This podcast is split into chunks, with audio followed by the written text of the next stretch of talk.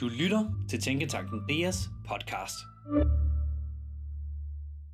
Da de nye studerende i sidste uge trådte ind på landets universiteter, var der færre, der begyndte på en humanistisk uddannelse. De sidste fem år er antallet af humanister nemlig faldet med 25 procent, mens sproguddannelserne alene er reduceret med 40 procent de sidste 10 år.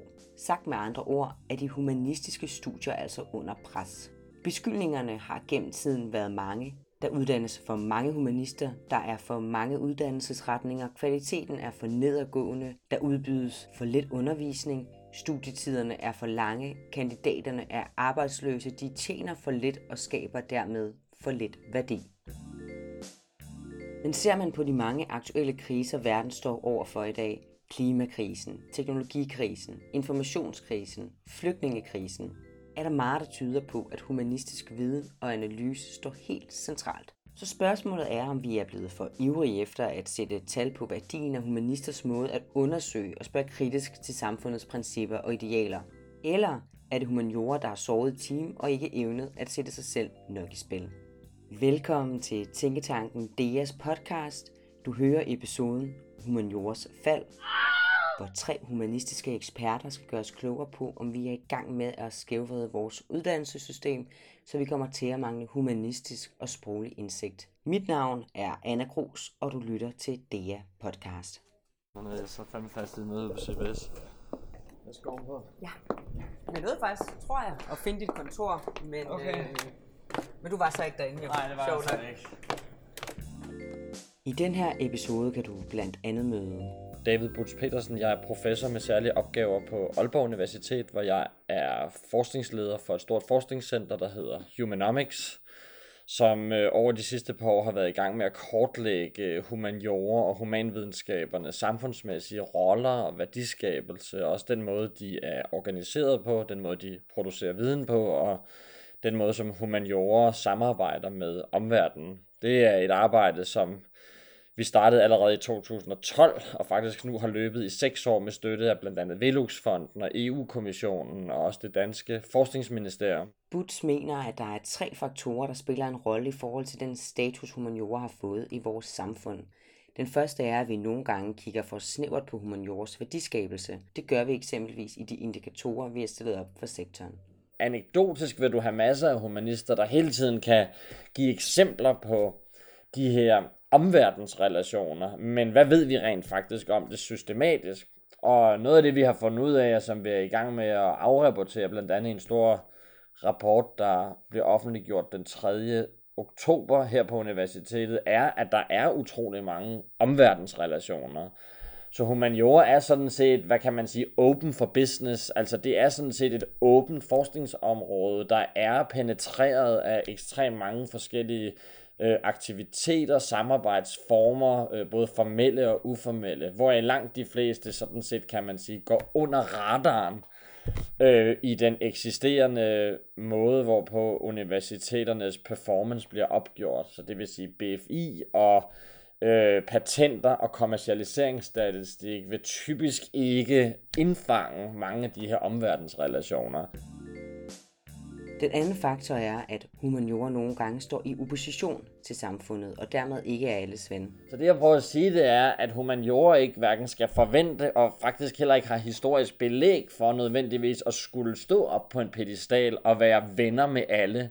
Det er ret irriterende at have adgang til denne her store pool af viden og analyser, som ofte viser, at mennesket er ikke bare kulturbundet, øh, også nogle gange rationelt, andre gange baseret på sine følelser, nogle gange optaget af øh, hvad hedder det, sit lokale tilhørsforhold i en kultur eller nation, andre gange øh, et universelt rettighedsbærende subjekt. Hele den udvikling, som humaniora er eksponent for, står i opposition til rigtig mange tendenser i samfundet. Og det tror jeg bare, vi skal lære at leve med. Et samfund skal have råd til også at finansiere ikke kun kritik, men også lad os sige alternative synspunkter.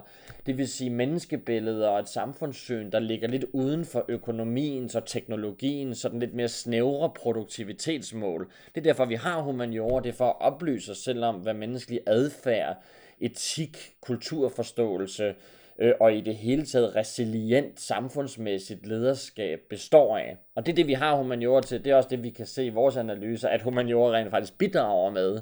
Men at vi skulle være venner med dansk industri for håndværende politiske ideologier, eller øh, hvad hedder det, alle hånde intellektuelle, journalistiske fremstillinger. Det vil være fuldstændig urealistisk at forvente kvæg humaniores, kan man sige, grundlæggende natur. Så humaniores legitimitetskrise er måske i virkeligheden lige så gammel som humaniora selv.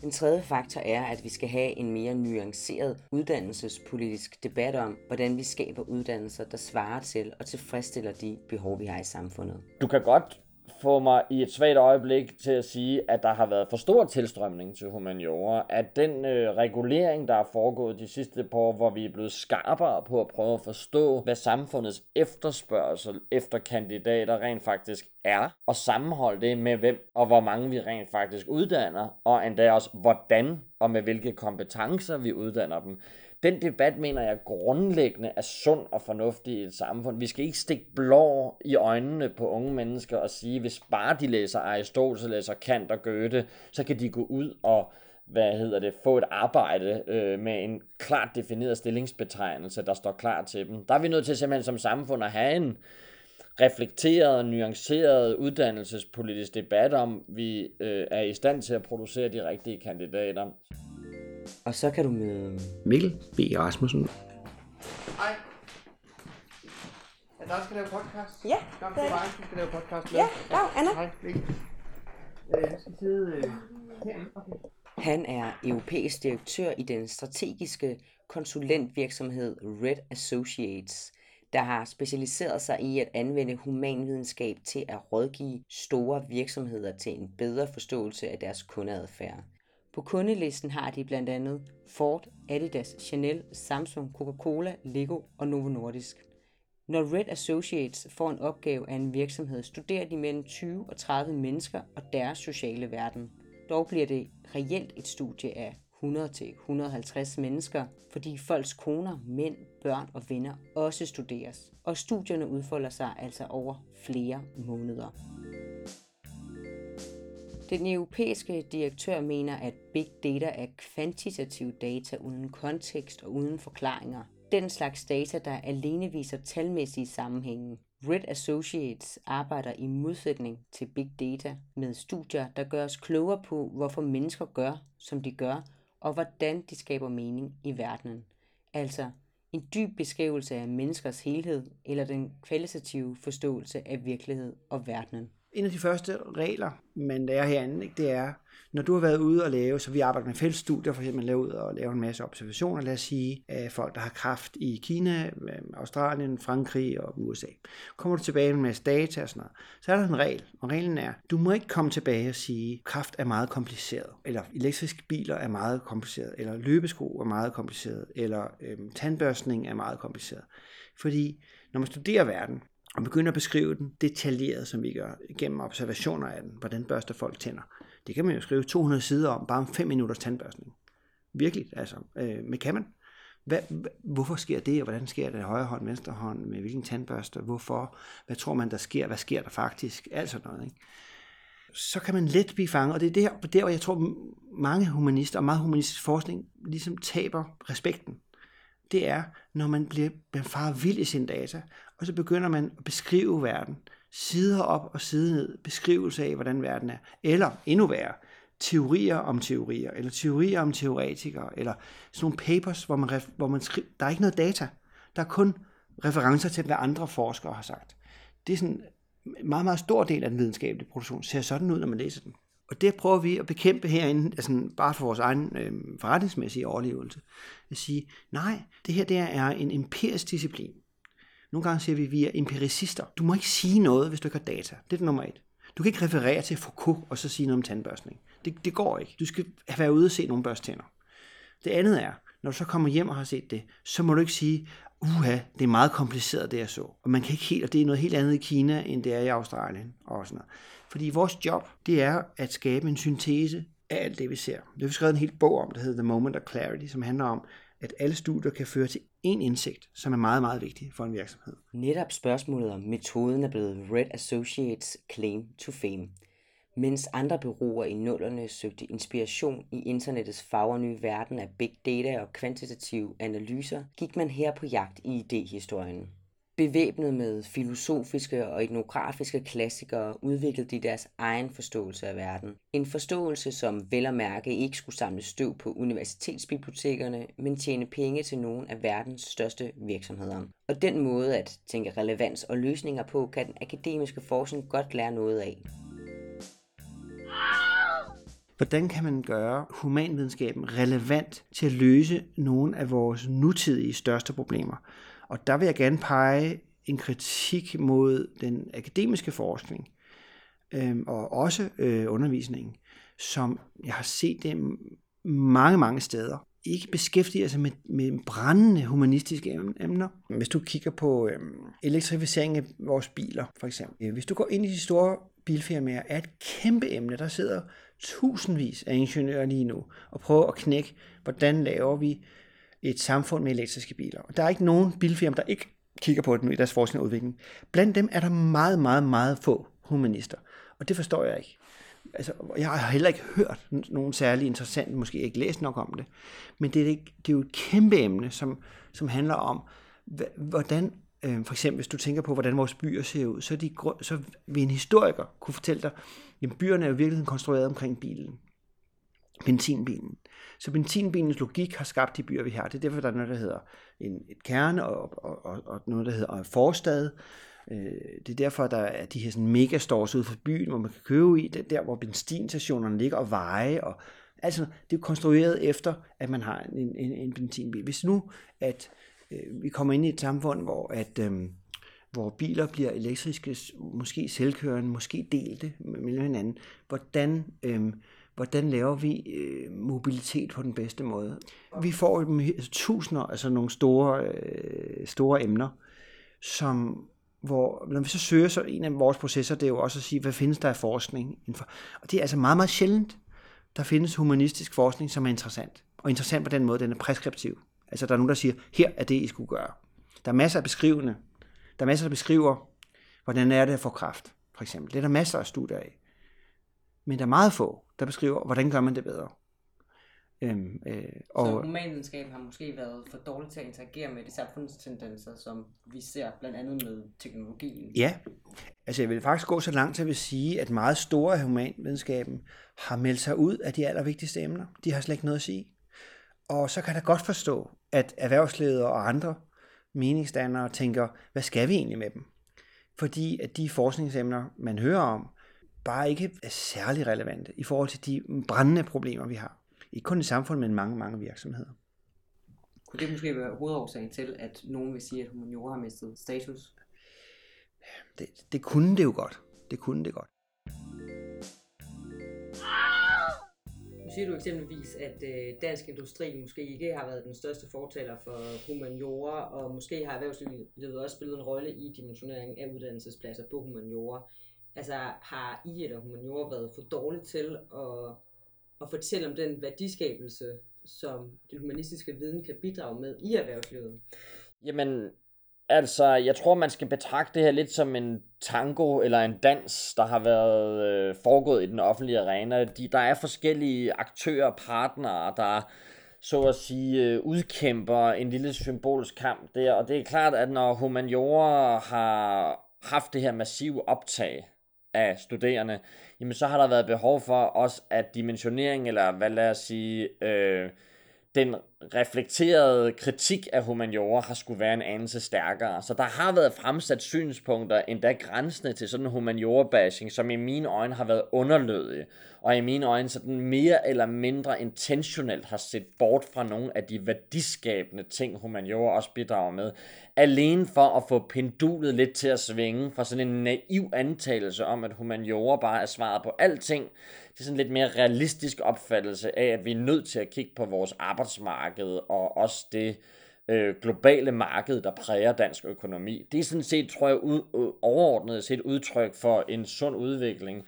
Men når det er sagt, vil jeg da sådan set gerne bide til bolle på det, du nævner, og sige, jeg synes, humaniora har været for dårligt til i løbet af de sidste 10 år at synliggøre sin, sit bidrag øh, til samfundet. Øh, som jeg lige har nævnt, har der måske været opstillet nogle lidt unfair konkurrencevilkår her øh, internt mellem disciplinerne, fordi den eneste metrik, vi har kunne, kunne måtte måle os på, har været bidrag til erhvervslivet og bidrag til mere eller mindre direkte kommercialiseringsaktiviteter, altså områder, som nærmest i de her discipliners natur øh, ikke er vores styrkeposition. Vi gør det, vi gør det også i højere grad end mange er opmærksomme på. Der er masser af virksomhedssamarbejder, der er masser af læringsforløb og efteruddannelse af virksomhedsledere og HR og CSR og alle mulige andre ting inden for i humaniora, men der er også rigtig mange andre bidrag til samfundet, til kulturlivet, til den offentlige debat, til NGO'er og øh, hvad hedder det til mange andre typer af institutioner. Så vi har været lidt ramt af, at den metrik, vi skulle have forsvaret os selv op imod, har ikke været på forhånd særlig sympatisk indstillet.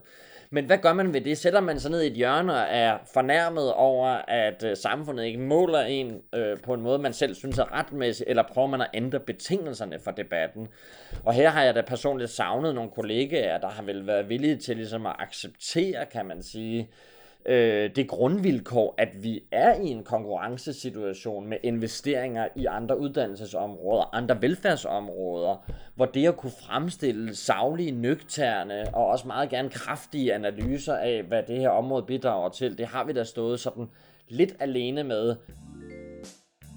Og den sidste, du kan møde, det er Mina Skafte Jensen, der er professor emerita fra Syddansk Universitet. Hele sit liv har hun beskæftiget sig med Europas ældste humanistiske forskningstema, nemlig det humerske spørgsmål.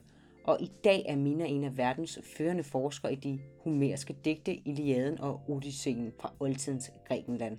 For hvad kan fortolkningen af to et halvt årtusinde gamle tekster fortælle og lære os i dag om menneskelige valg og værdier? Goddag, Anna. Goddag, Mina. Tak. Tak skal du have. Tak fordi jeg måtte komme, og du tog dig tid. Det er et dejligt sted, du bor her. Jeg er også glad for det. Ja. Der kan vi tage mine sko af. Du synes jeg ikke, men det er fint, Anna. Jeg kunne godt tænke mig at zoome lidt ind på Homer. Ja. Så hvis vi ligesom starter øh, med det, kan, du så fortælle lidt om altså, øh, det homerske spørgsmål? Hvad er det egentlig, det går ud på? Jeg er jo nødt til allerførst at sige en lille smule om, hvad man mener med ordet Homer. Ja. Fordi det er øh, navnet på en digter, under hvis navn man har overleveret to lange episke digte, Iliaden og Odysseen, og så en samling af hymner, og det vil sige øh, hexameterdigte til guder. Og når man så siger, at det er under hans navn, det er overleveret, så er det fordi, der har jo øh, helt fra oldtiden været stor øh, spekulation om, om der virkelig var et menneske, som hed Homer, og som havde digtet de der digte. Øh, og det hænger sammen med, at vi er helt tilbage ved den allertidligste skriftlighed i den ende af verden, som vi hører til. De digte, vi har bevaret, har man virkelig, øh, der har man virkelig slåsset om øh, dateringen. Og selv er jeg tilhænger af en, en datering i øh, lidt før 500 før Kristus. Men der er mange, der mener, at det er flere århundreder tidligere. Og som min ven af mig plejede at sige, at århundreder var lige så lange i oldtiden som nu. så, er det, så siger det jo noget om, at det faktisk er rigtig svært at placere de der digte. Og det er jo så allerede i sig selv spændende, fordi man har de der velformede, fantastiske øh, historier, og så har man ikke rigtig nogen kontekst. Og den kontekst, man så leder efter, peger i så mange forskellige retninger. Det er jo for eksempel interessant, at flere af de genstande, der nævnes øh, i teksterne i Iliaden og Odysseen, øh, passer tilbage til sådan 12-1300 før Kristus. Og at andre ting er meget senere. Og at det, som man kan datere, det er i hvert fald min holdning, at det, som det overhovedet giver mening at prøve at datere, det er det tidspunkt, hvor de blev skrevet. Hvordan kan det være, at noget litteratur, der er så gammelt, godt nok er man ikke helt enig om hvor gammelt, men dog alligevel øh, flere tusind år gammelt, stadigvæk har en eller anden form for relevans i forhold til det samfund, vi lever i i dag.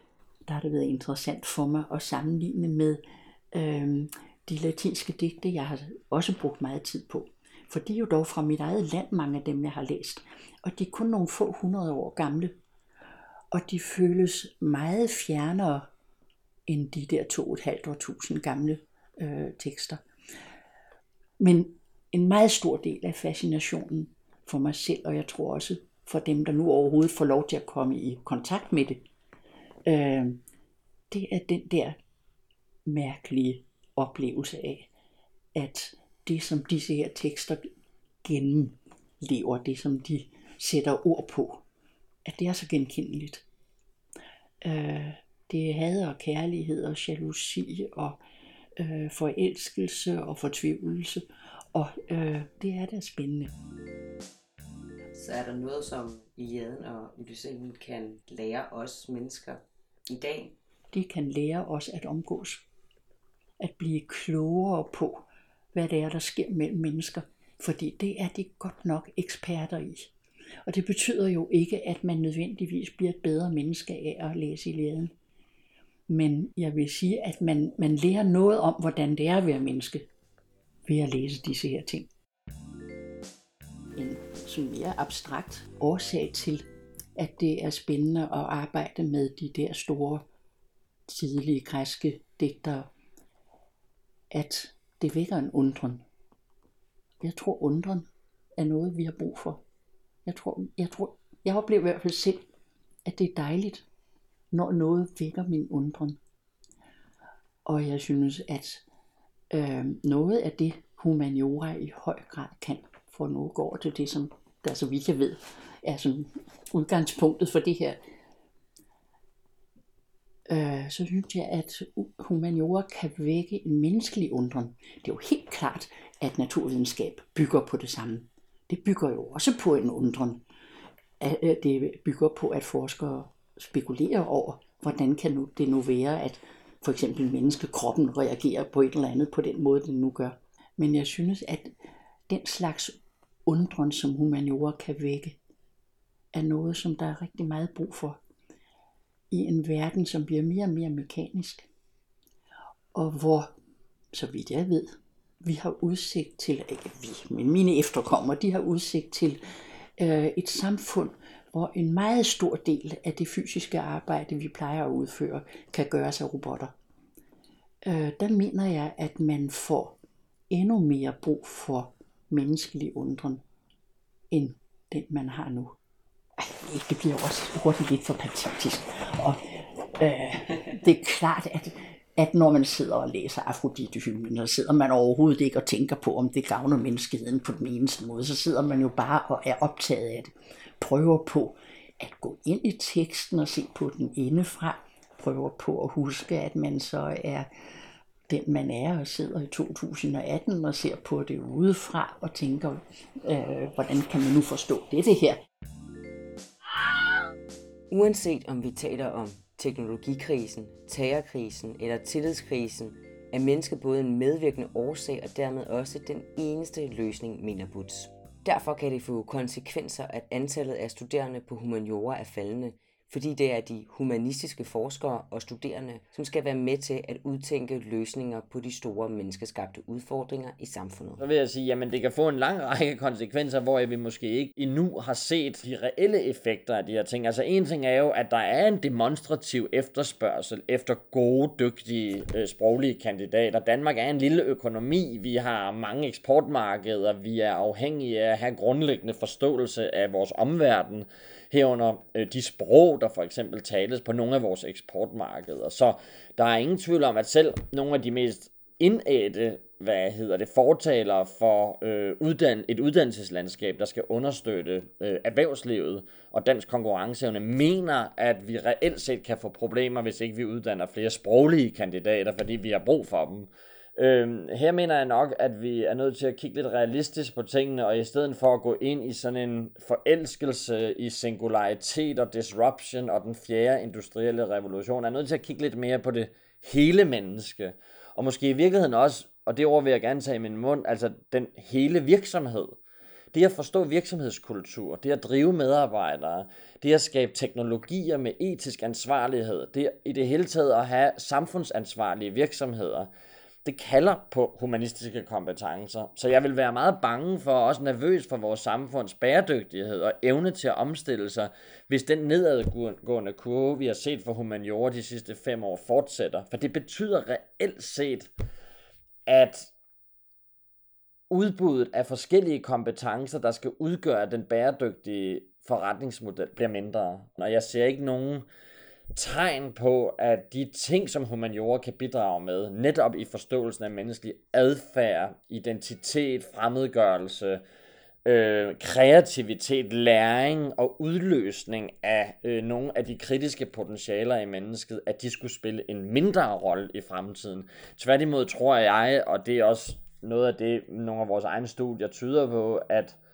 når vi går ind i en mere teknologiintensiv fremtid, jamen så bliver der også et større behov for at forstå, hvordan mennesket interagerer med, skaber og bruger den teknologi. Så ideen om, som C.P. Snow sagde, at vi har at gøre med to kulturer, at humaniora er noget andet end de andre videnskaber, tror jeg grundlæggende er skæbnesvanger for vores samfund og vores demokrati. Vi har behov for at se de her discipliner som grundlæggende bidragydende til samme samfundsudvikling, nemlig en forholdsvis ansvarlig demokratisk øh, udvikling, hvor vi øh, kan kombinere hensynet til en velfungerende politisk offentlighed med et dynamisk erhvervsliv og et velfungerende civilsamfund. Oversætter og alle mulige andre har jo fantastiske muligheder og fantastiske forpligtelser til at, at øh, give os andre øh, en fornemmelse af, hvor fantastisk verden er, hvor rig den er, både nu og også hvor gammel den er. Det er jo vidunderligt, at, at bogtrykket er opfundet sådan, at, øh, at øh, alle disse her bøger foreligger. Der er jo sådan en masse, der er gået tabt. Men stadigvæk har vi dog adgang til, hvad folk tænkte i 1300, 1400, 1500-tallet. Vi kan læse Petrarca, vi kan læse vidunderlige ting. Og ovenikøbet så er så også internettet opfundet, og man kan sidde med sin skærm, ved sin skærm og læse rigtig meget af det, som man før skulle hen på et øh, stort, fint bibliotek for at komme til at læse. Altså, humaniora har jo på en måde aldrig haft større muligheder, end det har nu. Og altså, jo mere man kan bringe det ud til alle mennesker, jo bedre. Det synes jeg er en meget opløftende måde måske at, at slutte den her øh, fantastiske samtale af på. Øh, jeg ved ikke, om du selv har noget, du ikke synes, vi er, er kommet ind på. Det ved jeg sikkert, når du er gået. Ja, det kender jeg godt. Nej, jeg synes, det har været sjovt. Det har været dejligt at få lov til at sidde og udbrede sig her. Tak fordi du lyttede med til Humaniores Fald fra DR Podcast med David Butz Pedersen, Mina Skafte Jensen og Mikkel B. Rasmussen. Podcasten er produceret, mixet og tilrettelagt af mig. Jeg hedder Anna Gros. Infomusikken den er lavet af Kasper Stig Nielsen. I redaktionen er også Jonas Castro Kohn og Ole Larsen. Vi lyttes ved.